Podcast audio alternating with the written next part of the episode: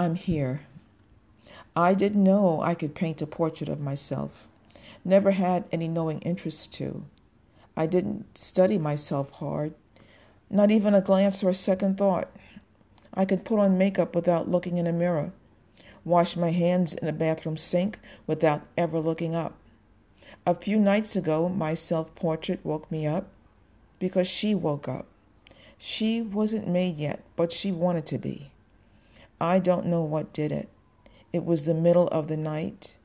There was no loud noise, no piercing light, no bolt of lightning, no roll of thunder. I wonder what woke her up.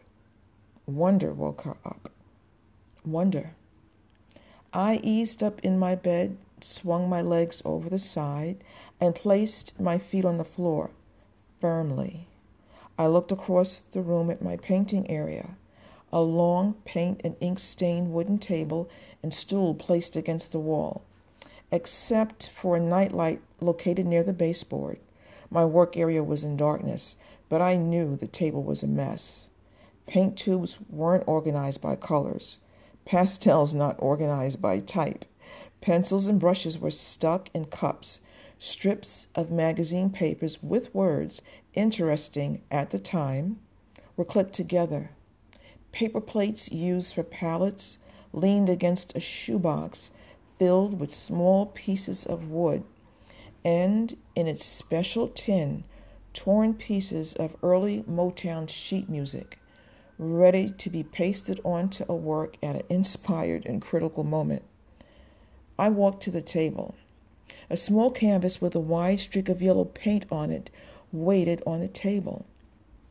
Another possibly brilliant idea abandoned.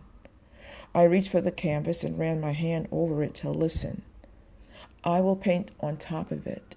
I squeezed paints, more yellow, orange, pink and brown, onto the canvas and pushed the paints around. I didn't sit. Within moments, a pair of shell-shocked eyes were looking up at me. Orange hair on fire with the knowledge of what wasn't done. I continued to paint, stabbing at the little canvas in the dark. Finally, turning on more light, I sat down, committing, expecting.